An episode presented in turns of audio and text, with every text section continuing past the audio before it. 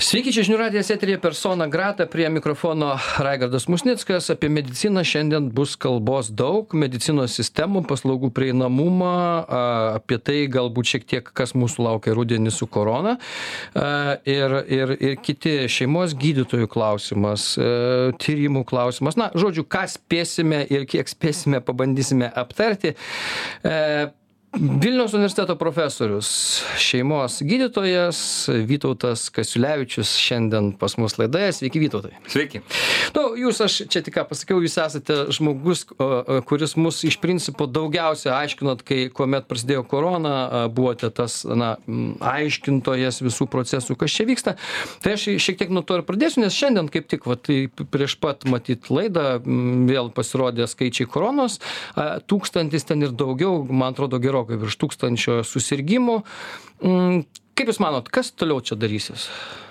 Na, banga iš vakarų keliauja į rytus, kaip ir pernai. E, prasidėjo viskas jungtiniai karalystiai Portugalijai pernai, tai mhm. šiemet Portugalija pirma labai aiškiai pakilo ir paskui vakarus nuėjo ta banga, vakarų Europoje laikėsi ir paskui pradėjo jau į rytų Europą plisti. Ir Baltijos šalis jos tokios jautrios, mm. taip gana greitai irgi sureagavo bet na daugėjimas bus jisai dabar tęsis turbūt šiaip tūkstantis jau turėtų čia būt aliarmas jau čia turėtų dulkys dabar per televizorių kalbėti ir ir šimonyte rūpintis. Bet kažkaip visi ramiai reaguoja. Į tai tūkstantis tai tūkstantis.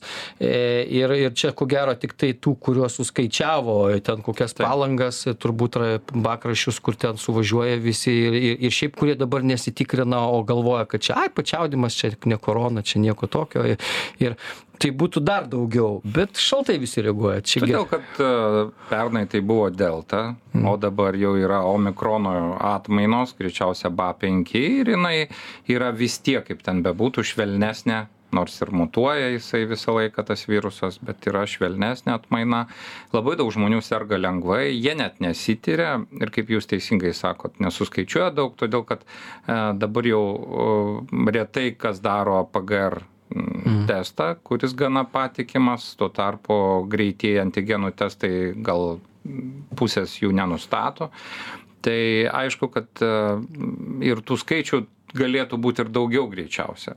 Tačiau kodėl visi nesijaudina? Todėl, kad e, kas yra rodiklis? Tai yra mirtis ir ligoninių užpildymas. Mm. Tai ligoninių užpildymas nėra gana reikšmingas. Intensyvios terapijos skyriai susitvarko ir su kitais pacientais, ir operacijos vyksta, niekas nestabdoma. Na, bet aišku, tas skaičius jisai palaipsniui didės ir ligoninėse. Ir, ir be, abejonė, be abejonės, kad tai truks bent jau keletą mėnesių, kai paprastai ta banga užtrunka, jos ilgis iki 120 dienų paprastai būna. Tai, tai greičiausia tas ba penki jeigu neatsiras dar kokia nors nauja mutacija ir vėl paskui nesmogs mhm. ten vėliau bet nes yra ir ir ir kitų mutacijų tokių atsiradusių bet bet sakysim šita banga jinai tokia yra kuri pakeliui į piką. Vakarų Europoje, na, Prancūzija labai ryškiai pakilo, tai ten iš tikrųjų tų susirgymų per dieną daugiau 2000 milijonų, tai gana daug reikšmingas skaičius, bet jau jie panašu iš to, ką aš stebiu, jau, jau pakeliu į piką, manau, kad gal nebebus dabar didesnio šuolio, turėtų stabilizuotis ir, ir jeigu tai ta taisyklė galios ir mums, nors mūsų tos bangos truputėlį išsitęsia ilgesnės, jos ilgiau eina į kalną negu vakarų Europoje ir ilgiau trunka ir paskui ilgiau leidžiasi. Nu taip jau yra. Tai, tai lemia žmonių elgsenos tipai tam tikrai ir taip toliau kitokie. Tai Čia tokiu būdu mes dabar pasiskiepysim visi vėl. Taip, tai mes persirgsim taip. Iš tikrųjų, reinfekcijos vyksta, pakartotiniai užsikrėtimai. Na, dabar e, nauja studija iš Kataro, nors jinai dar nerecenzuota, rodo, kad a, tie žmonės, kurie sirgo ankstesniem, a, sakysim, formom iki omikrono pasirodymo žiemą šią, mm jie turi tik tai 15 procentų to imuniteto. Tai yra tas atsparumas gana mažas. Jie gali susirgti pakartotinai ir tų reinfekcijų tikrai bus tie, kurie žiemą šią sirgo omikronu ir pavasarį. Tai iš esmės atsparumas jam yra neblogas ir manoma, kad net ir šitom naujom atmainom susirgs tik tai apie 20 procentų. Tai, tai vadinasi, kas vyksta? Iš tiesų, tam tikrą laiką imunitetas laikosi, kad ir naujos tos formos atsiranda, mes vis labiau susipažįstame su tuo susirgymu ir, ir palaipsniui prisitaikom prie jo, bet tam reikia laiko. Labai buvo daug tokių iliuzijų, kad čia labai greit viskas bus. Mm. Na, staiga, a, reiškia, praeis vat, pusantrų metų ar du metai ir baigsim.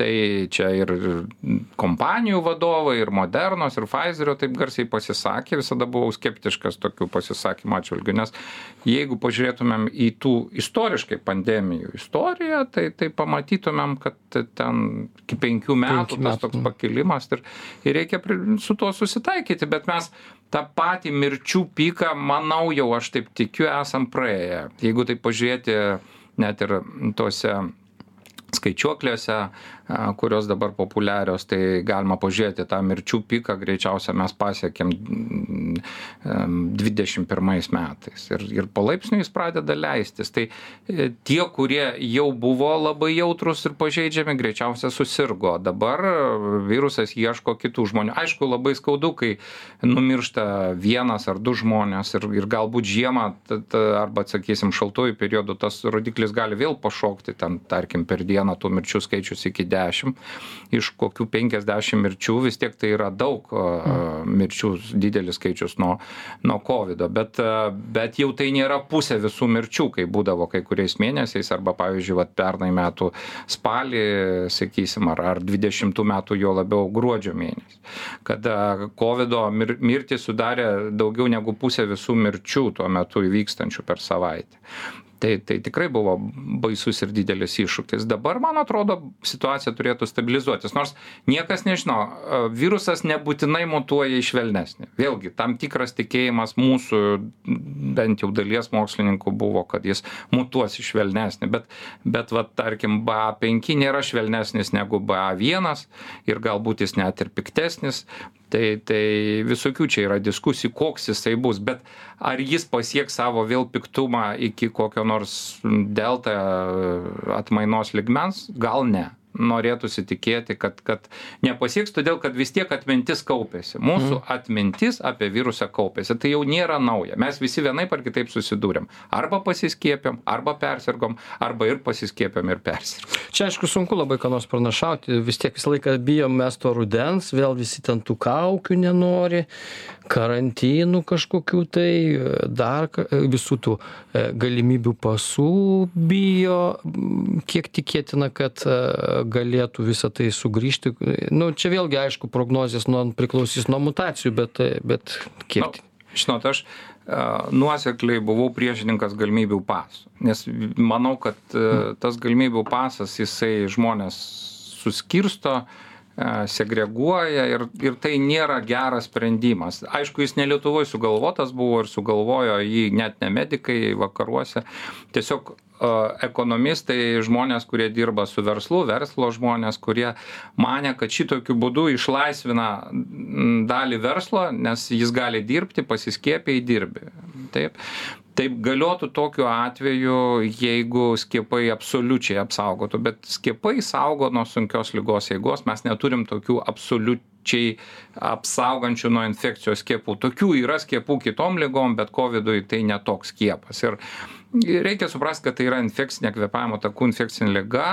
Jinai a, savo prigimtim kažkiek panaši į gripą nes jinai plinta oro lašeliniu ir aerozoliniu būdu bet bet jinai iš tikrųjų skiepas nesukuria tokios šimtaprocentinės apsaugos kad tu nesusirgsi. Kai jis to nesukuria tai vadinasi ir pasiskiepijęs gali sirgti. Ir tada atsiranda spaudimas iš tos visuomenės dalies kuri nesiskiepija mhm. dėl vienų ir tų priežasčių. Vieni įsitikinę kad tai totalus blogis kiti bijo dėl savo sveikatos dėl rizikos jie ir taip toliau ir ir sukelia įtampas. Tai aš manau kad geriausia kad valstybė negrįžtų prie tokio kaip galimybių pasas galvoju taip pat ir neteisinga buvo idėja norėti visus privalomai paskiepyti. Ir aš pasisakiau irgi prieš tai nes a, tai irgi sukuria labai daug įtampų visuomenėje nes tai neišsprendžia totaliai problemos. Matom šalis kurios ėmėsi tokių kategoriškų sprendimų jos atsitraukia vėliau tai sekti būtinai tą šalim kuri imasi kategoriškų sprendimų ne visada teisinga na galbūt kai kurios šalys e, sakysim autoritarinės gali tą taikyt kaip kinija ten sakysim ir taip toliau bet Ir Bet tai neišsprendžia. Bet jie neišsprendžia, nes matote, ateina naujos atmainos, naujos formos. Tai ką reiktų daryti? Aš galvoju, kad reiktų į viską žiūrėti gana taip lankščiai ir protingai. Na, pirmiausia, ten, kur įmanoma, dirbam nuotoliniu būdu ir, ir tas nuotolinis darbas, tarp kitko, čia nėra kažkoks tai blogis, e, kaip e, buvo galvojama. E, Lietuvoje nebuvo tradicijos dirbti nuotoliniu būdu ir jeigu pažiūrėti iki pandemijos išsidėstymą šalių nuotolinio darbo atžvilgių, tai mes matėm, kad Švedija kurį dažnai buvo pateikiama kaip pavyzdys, sakysim, pandemijos valdymo, ji iš tiesų nuotolinį darbą labai praktikuoja senai, ten vienas didžiausių procentų. Ir žmonės dirbantis nuotoliu tiesiog nesueina į krūvą tai darbovietę, ir maži neužkrečia vieni kitų. Tai, tai iš tikrųjų vienas iš tokių gerų būdų. Ir pavyzdžiui, net kai kurie dalykai, kurie dabar atėjo dėka pandemijos, e, net ir mūsų universitete medicinoje, pavyzdžiui, paskaitos nuotolinės. Nu, tai mes dabar supratom, kad tai viskas ok, nereikia visų studentų suvaryti į grupę, kad jie klausytų paskaitą seminaras bendravimas galbūt tai yra kiti dalykai mokymasis praktinėj aplinkoj tai yra kiti dalykai bet paskaita kodėl ne E, Trumpą pertrauką padarom, po pertraukos patęsim.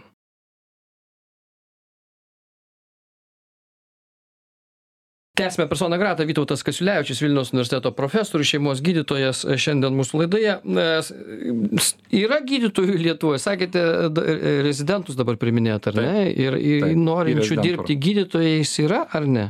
yra tikrai šiemet įstojo į Vilniaus universitetą beveik 200, tai vadinasi rezidentūra. Tai reiškia, jie nori dirbti. Bet trūkumas didelis, ar ne medicinoje, ar kaip? Yra trūkumas kai kurių specialybių ir a, tikrai tą matom, pavyzdžiui, šeimos gydytojų, skubiosios medicinos gydytojų, bendrųjų pediatrų, vaikų lygų gydytojų. Trūkumas tikrai yra ir, ir būtų gerai, kad daugiau žmonių stotų į tas specialybės vidaus lygų gydytojų. Mm. Va tokios bendro profilio specialybės, jos tikrai labai paklausios ir ypač regionuose, tai jų tikrai trūksta. Ir kai kurių- medžioja galvas, greičiausiai užsienis medžioja. Gydytojų yra daugiau negu reikia, bet o, o galvas tai medžioja nuolat. Tai be abejo, tai manau, kad visi, kurie tik tai pageidauja ar nori, jie išvyksta, nes labai nesunkiai jie gauna tą darbą ir aišku, e, nebūtinai iškart svajonių darbą, nes dažnai reikia kartoti ir rezidentūrą, kai kurios šalis ir nepripažįsta, pavyzdžiui, tai, kas čia Mm. mokytųsi.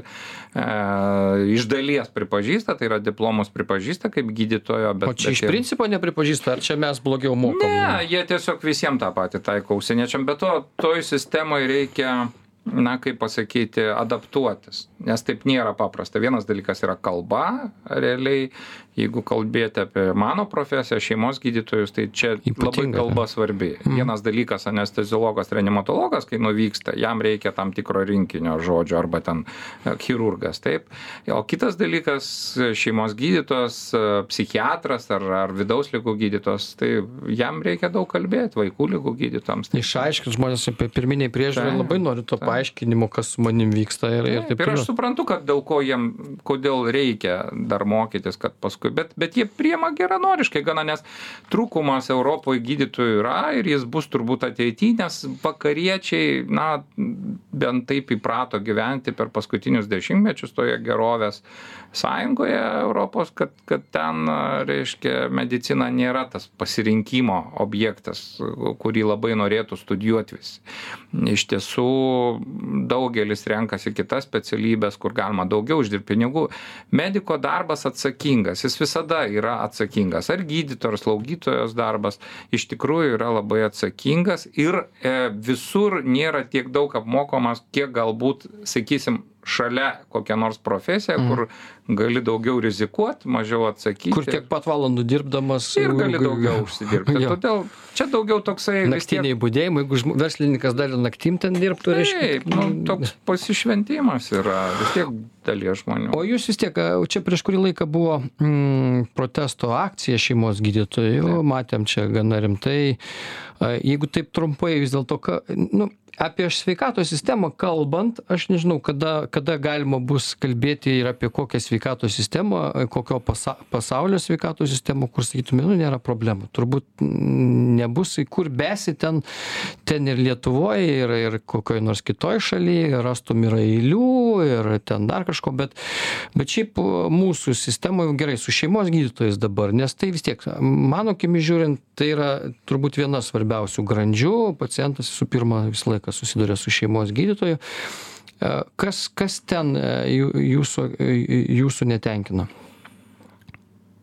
Na, pagrindinė diskusija, kuri iškilo su vyriausybė, tiksliau su sveikatos apsaugos ministerija daugiau, dėl vykdomos reformos, kurios pasiekoje yra kuriami savivaldybių sveikatos centrai i- ir į jų sudėtį įtraukiami šeimos gydytojai. Tai šeimos gydytojai, am, na, pasipriešino tai idėjai, kad jie turėtų būti įtraukti į tų centrų sudėtį. Kodėl? Todėl, kad e, vykdoma reforma, prieš 30 metų beveik e, pradėta reforma, ji mm, e, siekia atskirti pirminę asmens sveikatos priežiūrą nuo specializuotos grandies.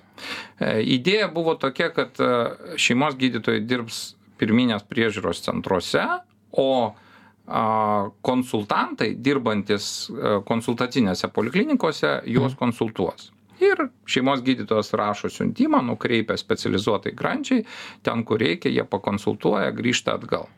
Na, ta reforma jinai nebuvo baigta, e, liko mm, tokia pusiau išspręsta problema neįspręsta. Dalis įstaigų, ypač e, didžiosiuose miestuose, kaip pavyzdžiui Vilniuje, kūrė, e, išsaugojo stambes poliklinikas. Ir ten pirminė asmens sveikatos priežiūra dirba kartu su specialistais. Atsirado privačiai dirbančių gydytojų šeimos savo, susikūrė šeimos centrus, bet jie toj konkurenciniai kovoje, na, jie pralaimi, nes, na, jeigu yra poliklinika, kur yra šeimos gydytojas ir specialistas vienoje vietoje, tai kada tu dirbi savarankiškai ir nepriklausomai, tada, na, a, pavyzdžiui, reikia specialisto konsultacijos. Tai ten vienam pastate viskas, o tu čia sun- siunti. Na, Ir žmogus turi dar pats susirasti, negana to, kur jam kreiptis, ar ne? Susirasti ir taip toliau. Tai vad Lietuvoje ta reforma tokia ir liko iki galo neįgyvendinta, dalyje vietų susikūrė atskiri pirminės asmens sveikatos priežiūros centrai regionuose, o e, specialistai liko dirbti ligoninėse ir prie jų esančiose konsultacinėse poliklinikose. Dabar reformos tikslas apjungti visus vėl į vieną, kaip ir buvo sovietmetį, na, vienoje įstaigoje būtų. Pavyzdžiui, rajonuose, e, sakysim, turi būti jau viena įstaiga. Pirminės asmens sveikatos priežiūros centras dirba kartu integruotas į savivaldybės sveikatos centrą. Aišku, e, palikta tam tikra galimybė nesijungti struktūriškai, o parengti, sukurti tokias bendradarbiavimo sutartis, kurios e, leidžia deleguoti šeimos gydytojus į stacionarą. Na, pavyzdžiui, pasitelkti juos, kai yra COVID, kai yra naktiniai būdėjimai, kai reikia tik skubėję pagalbą ir taip toliau. Nu, be abejo, šeimos gydytojų bendruomenė tam pasipriešino, nes jie mato, kad jie ir taip yra apkrauti tais darbais, na, kuriuos jie daro. Tai dar kada iškyla reikalas, kad juos dar siūs ir nakčiai būdėti, ir dar skubios pagalbos skyriui, ar jį dar sugalvos į skyrius, tai jie ir pasipriešino tam ir, ir, ir mūsų toks buvo sprendimas nesutikti. Gerai, e, va čia į- įdomios mintis, iš tikrųjų apie šeimos gydytojus mes galim dar atskirai e, pakalbėti daugiau, nes nu, dėl to pasipriešinimo ir dėl to, ar visi, e, ar visi apkrauti, ar ne visi apkrauti, čia klausimas yra. Yra kas apkrauti ir paskui net prisirašyti jau nebeįsisrieksi, o kiti yra ten, na, groja lūpinę armonikėlę, sakykime, dėl to, kad, nu, pas jas nėra pacientų, o čia tas pasirinkimo šeimos gydytojo klausimas, e, apkrovimo, visą kitą, mes grįžime prie tų klausimų, darom pertrauką ir po jos pratęsime.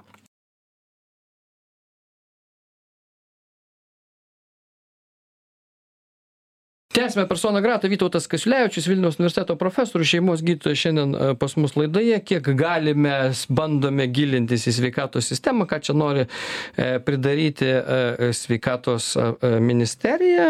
Aišku daro taip kad šeimos gydytojai išeina į gatves ir protestuoja. Įdomu. Bet vis dėlto vytautai vat kaip rasti gerą šeimos gydytoją? Klausimas toks paprastas. Visiem kyla.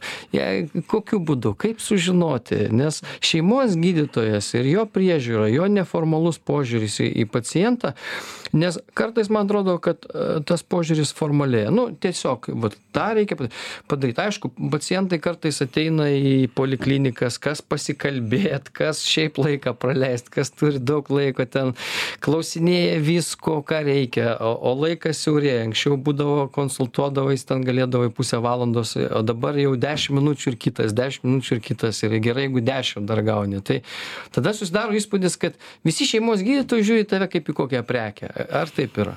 Žinot aš pasakysiu tokių skaičių kad e, šeimos gydytojai vidutiniškai konsultuoja trisdešim pacientų per dieną. Už etatą dirbam mm. dirbantis šeimos gydytojas etatu.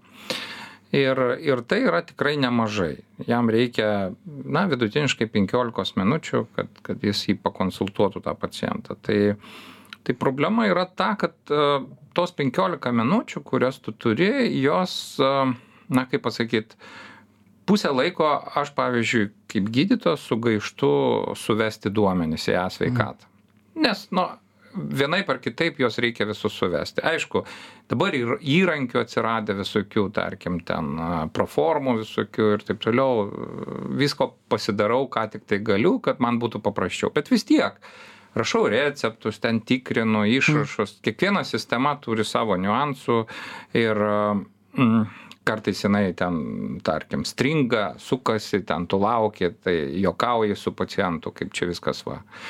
Bet e, tai vienas dalykas. Kitas dalykas e, iš tiesų na kaip žmogus neateina su viena problema jis ateina su įvairių problemų rinkiniu dar kartais atsiveda kokią artimą ir kaip lietuviam būdinga dažniausiai pradeda ne nuo sunkiausios bėdos bet nuo kokios lengvos ir jau tu atrodo čia susitvarkysi ir jis tau prieš pat išeinant dar pasako ką nors tokio.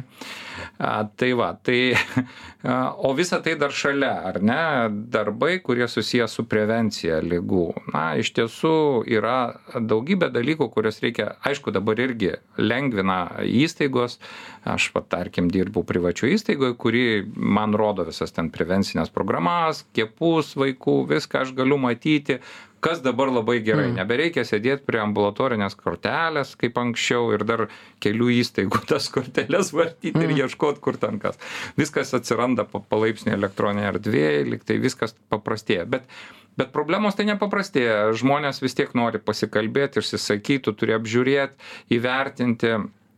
Ir kas dar labai yra? Yra daug tokių dalykų kurie iš tikrųjų na persipena su galimybėmis ką nors padėti tai yra su specializuotos medicinos galimybėmis. Na pavyzdžiui reikia specialisto pagalbos kaip greit reikia nuspręsti. Reikia nes pasiekimas tų specialistų na tikrai nėra labai greitas. Nu mes patys žinom kad kad sakysim na eilės tam tikros egzistuoja ir taip toliau.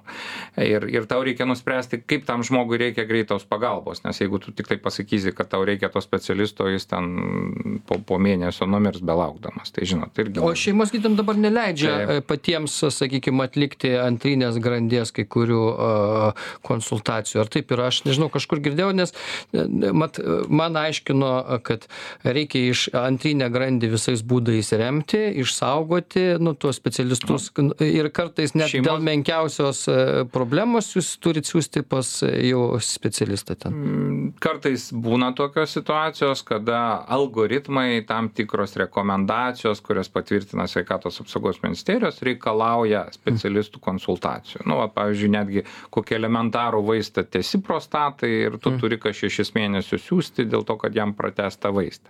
Nors iš tikrųjų tai ne dėl to vaisto lygtai siunti kad dar įvertintų urologas bet jis ten turi laukt eilėj ir taip toliau.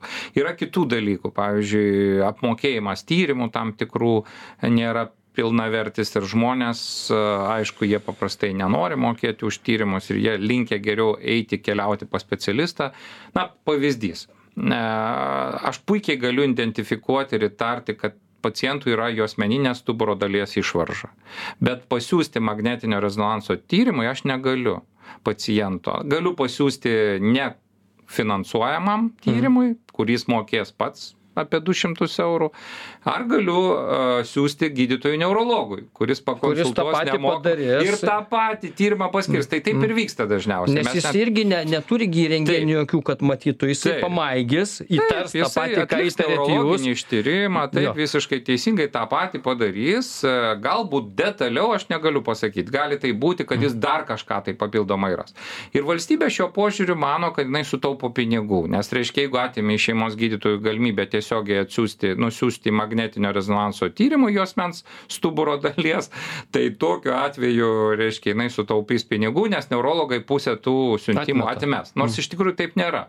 Ir ne, už neurologo bus konsultacija sumokėta už, ir už MRT. Tik tai mm. skirtumas tas, kad pas neurologą, kadangi jų trūksta irgi dar Lietuvoje šiandien pateks po mėnesio ir tada dar mėnesis ar kitas nusikels MRT tyrimui. Tiesiog mes vėlinam diagnostiką ir daugiau išleidžiam.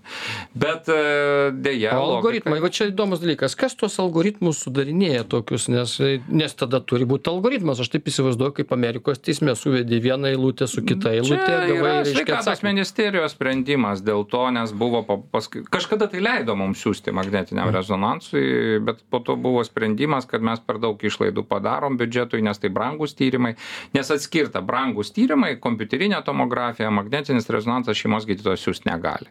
Nors tikrai galėtų būti rinkinys tų diagnozių, kur galima siūsti ir ten gana aišku. Aš suprantu, kad be reikalo piknaudžiauti negalima.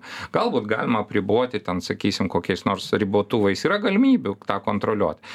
Bet uh, tave nuo to nustumia, nes pasako, tu nekompetitingas. Bet iš tikrųjų tai yra dirbtiniai tokie siuntimai. Nu, pavyzdys, tarkim, žmonės kasdieną įkanda erkės, dabar vat, mm. yra toks sezonas tai laimo ligos tyrimas nėra kompensuojamas pirminėje asmens sveikatos priežiūrai. Nors jis yra gana brangus iš tikrųjų. Tyrimas kainuoja ten gal trisdešim eurų ištirti elaiza metodu tą imunoglobuliną m ar g. Bet jis tiesiog yra infektologo kompetencijoj. Bet mes žinome, kiek realiai yra infektologų. Mm. Juos ruošiam po kelis e, į metus, dabar stengiamės, kad daugiau pritraukti, netaip daug ir veržėsi į tą specialybę, todėl kad yra sunkiai atsakinga, pirmiausia atsiduria taikiniai. Vat COVID parodė, kad jie yra didvyriai, nes jie parom neišeidavo iš ligoninių ten ir taip toliau. Bet iš tikrųjų tokiai ambulatoriniai grandy dėl e, laimo lygos mes e, turim arba mokamą tyrimą daryti, arba siūsti specialistui, ar ne? Tai vat, pavyzdžiui, tokie dalykai yra neįspręsti valstybei, nes valstybė taupo šitokiu būdu. Nes, nu, gal jis skirs tenai visiems į kairę į dešinę. Arba sako, nu tai skirkit iš savo biudžeto tos tyrimus. Nors turėtų būti suformuotas tyrimų krepšelis. Va dabar pradėjom kalbėti su, su sveikatos ministerija apie tai vėl, kad reikia tyrimo krepšelio. Bet žinot, šitą idėją aš atsimenu dar siūliau 2005 metais. Mm. Taip pat per tą laiką. O tyrimų krepšelis tai čia, nu, tas yra bendras kraujo tyrimas, plus kas ten turėtų būti? Na, pirminiai sveikatos priežiūrai tyrimų krepšelis, kuris būtų skiriamas tik tyrimams. Mums nereikia tų pinigų šeimos gydytoms, nes galvojama, kad jeigu skirsi kažkokius pinigus, tai jie tyrimų nedarys, bet savo pasims. Bet iš tikrųjų tai galėtų būti apmokama tiesiogiai laboratorijom ir taip toliau. Nes, pavyzdžiui, vitamino D tyrimas yra brangus ir nu, labai, jis o jisai kompensuojamas. Jo, jis nekompensuojamas, o jis yra labai bet, svarbus. Ir, ir, ir vat, kiti gal netokie svarbus. Na, aš sakyčiau, dar yra svarbesnių tyrimų. Ne, tai be, be abejo, turbūt. Kurie nėra kompensuojami. Reiškia, jūs, jūs manote, kad reikėtų turėti tokį pinigų sumą, ne, ne, ne, ne pačių Tyrimą. tyrimų pavadinimus, ar ne? Kad būtų apmokama tik tai laboratorijom ir šeimos gydytojas siunčia į kokią nors laboratoriją nemokamai mm. ir žmogus gali atlikti tą tyrimą. Nu, pavyzdžiui, yra kitų tyrimų, pavyzdžiui, pasėliai įvairūs. Tai vitaminas D, tai sakyčiau, prabangos tyrimas, bet pavyzdžiui, jeigu kalbėti apie būtinus mums, tarkim, mums reikia šlapimo pasėlio, mhm. tai jis nėra kompensuojamas pirminėje asmens sveikatos priežiūrai. Aš turėčiau siūsti urologui. Nu, urologas sakys, kodėl čia atėjai be jokių tyrimų. Mhm. Ir visada va, ta įtampa yra dėl to dažnai tarp šeimos gydytojų ir specialistų, kad na, tiesiog mes nesame įgalinti pakankamai daryti ką galim daryti ir suprantam daryti. Ir mes apie tai kalbam daugybę metų. Kalbam apie kitus dalykus, galima būtų daug labiau sutaupyti, nesiuntinėti paciento, tiesiog turėti nuotolinę konsultaciją tarp šeimos gydytojo ir specialisto. Pavyzdžiui, pasikalbėti Skype'u ar ten uh, Teamsuose uh, ir už tą konsultaciją būtų galėtų apmokėti ligonių kasa ir nereiktų siūsti paciento tą įrodėm visokiuose tyrimuose kuriuos darėm su europos finansavimo pagalba kad tai labai veikia veiksminga. Galima net duomenis perduoti akių dugno o apgamų specialistui jis gali pasižiūrėt ir pasakyt čia tas yra čia tas ar siųskit man jį tikrai gyvai ar nesiųskit. Tai visi šitie dalykai neišspręsti mes tą darėm prieš dešim metų ir bandėm įrodyti, kad tai gali būti apmokama. Iki šiol nėra sukurta. Kaip, kaip neįspręsta, pavyzdžiui, ir, sakykime, nu atrodo, ar, ar tikrai čia taip sudėtinga paciento duomenis, kuris, kuriuos jisai darėsi vienoj poliklinikoje, antroji, gal kažkur gulėjo ligoniniai ten darė ir darė būtinai įvairiausius tyrimus, suvesti į vieną krūvą. Na, santariškės jos daugiau mažiau santaros klinikos turi e, ligoninė turi ten susivedusi tą ligos istoriją žmogaus, nu, ligos istorijas, tyrimus visus ir taip toliau gali ten rasti. Kitų net kai kurie kai kurios poliklinikos neturi puslapių kai kurios turi puslapius bet nededa tyrimų kai kurios tyrimus ten šeimos gydytojas tiktai pakomentuoja jeigu tau reikia. O o jeigu ten daraisi pavyzdžiui echoskopiją ar dar kažką tai tai tiesiog nėra tokio tyrimo su aprašymu. Ir ir jeigu pavyzdžiui eini pas kokį specialistą ir tau reikia viską susinešt negali rasti viso to. Tai ar čia tikrai taip sudėtinga yra tą padaryt aš manau kad tai nėra sudėtinga tai yra tiesiog valios trūkumas tiesiog sutvarkyti tą sistemą. Nes jie vis tiek yra tie tyrimai, jie vis tiek yra tie tyrimai. E-sveikata pagal savo, na, sakysim, užmačias, kokia jinai turėjo būti, jinai visą tai turėjo talpinti. Ir tie pinigai, jeigu jie buvo išleisti kur nors net ten, tai čia jau galbūt atsakomybės kažkieno klausimas, bet e-sveikata ir dabar gali talpinti daugelį tų dalykų. Klausimas yra toks, kas tą turi padaryti? Nes e, mes manom kad duomenys galėtų iš laboratorijų keliauti į e-sveikatą nes visi visos laboratorijos šiuolaikinės turi elektroninį duomenų atvaizdavimą jie visi atsiranda kažkur tai pagaliau jie išspausdinami elekt iš elektroninio formato. Taip. Tai čia yra problema tiesiog perdavimo duomenų į e-sveikatą tiesiogiai, kad nereiktų e, mums sukti galvos e, šeimos daktarui, kaip tam pacientui iš tikrųjų tos duomenys parodyti, nes mes tikrai susidurėm kiekvieną kartą su tą pačią problemą. Žmogus pasidarė tyrimus, reiškia keliauja į operaciją, tai aš turiu E, forminti konsultaciją, kad tos tyrimus sukelti į ją sveikatą atskirai per savo konsultaciją, kad specialistas pamatytų. Bet iš tiesų, e, jeigu kas nors ko nors nesukėlė, tos mhm. pačios santaros klinikos, pavyzdžiui, pakonsultavo kokį pacientą, bet, na, nesukėlė tyrimų, taip, nu ir viskas. Ir aš nieko nežinau apie jį nes aš santaros tyrimų nematau.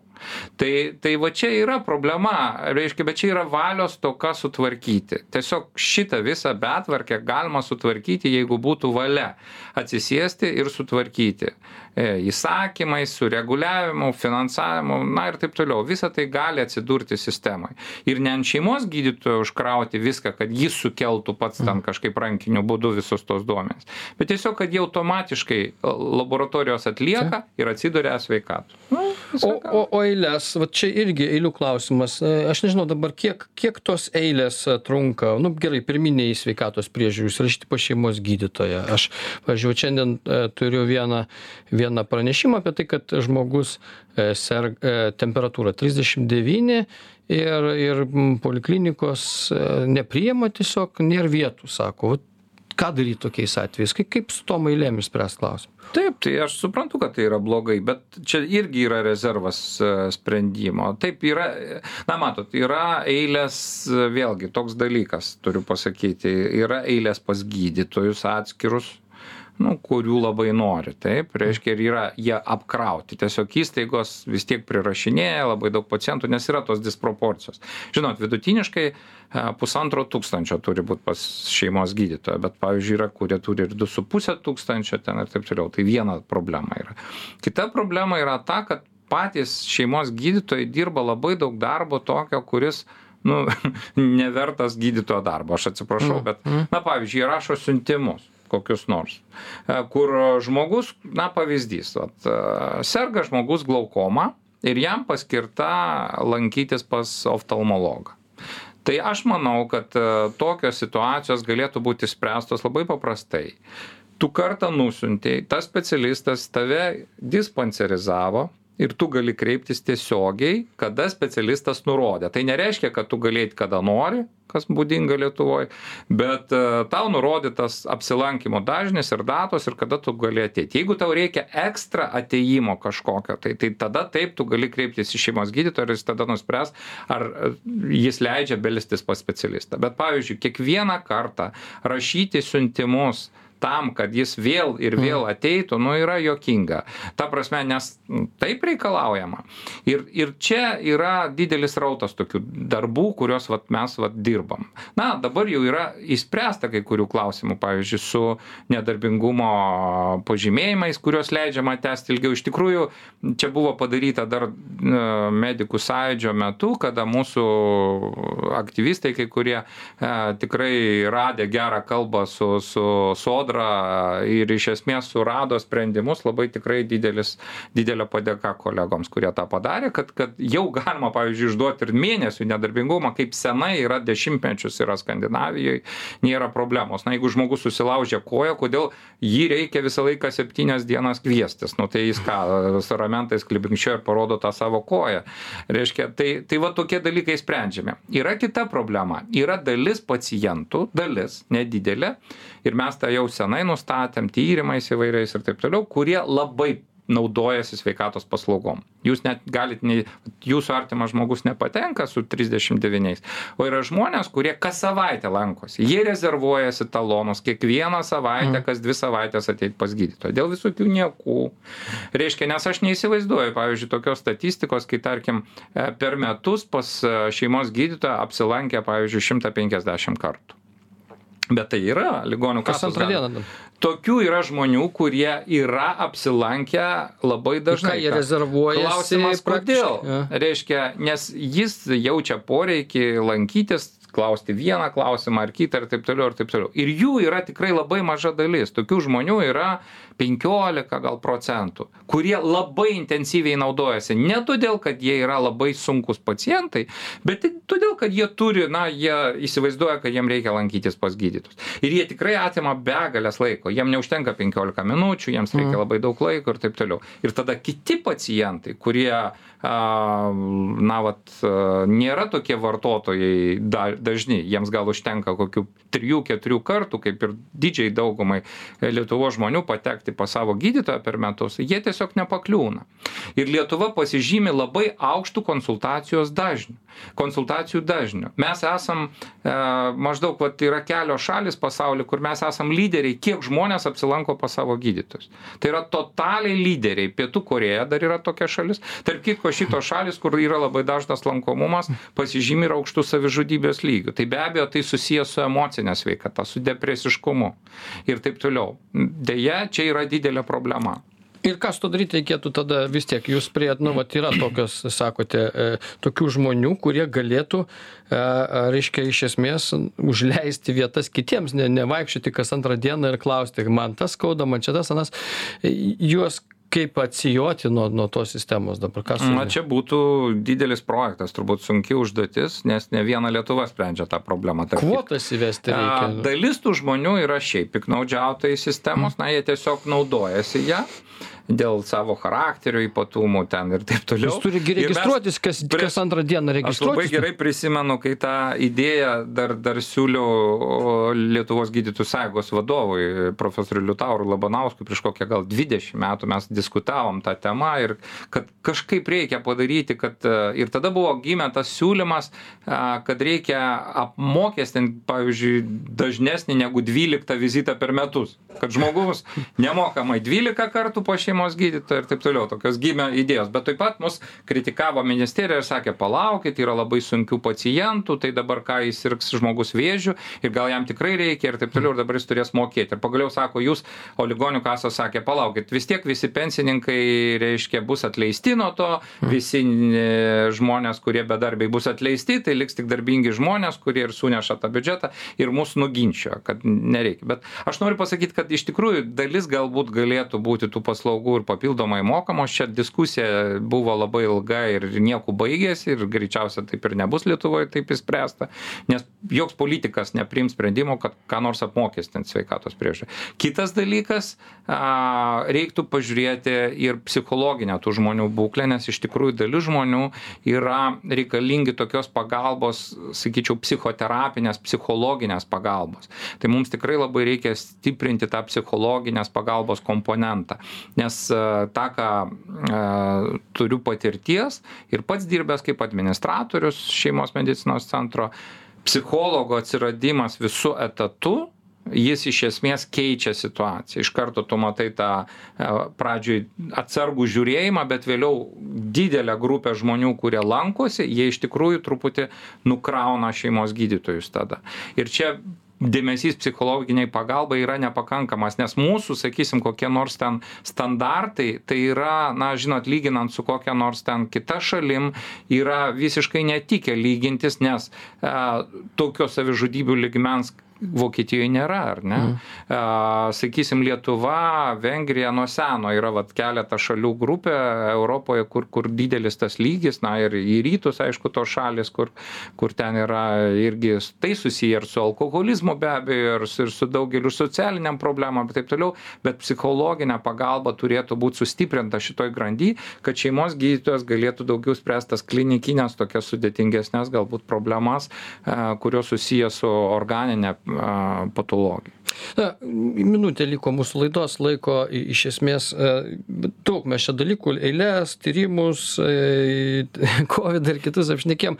Jeigu taip paprastai tariant ką jūs e, keistumėt dar sistemoj švie e, s sveikatos jeigu taip greitai kas dar jums nepatinka?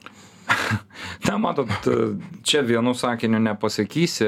Aš manau kad sistemą reikia artinti prie žmonių paliekant e, daugelį tokių techninių problemų kurios galima sutvarkyti ir kurios užima daug laiko atribojant gydytoją nuo visokių tokių formų pildymo biurokratizmo jis dar nėra išspręstas iki šiol. Ir priartinant jį prie paciento kad galėčiau kalbėti žiūrėdamas į akis pacientui tai va tokia turėtų būt sistema.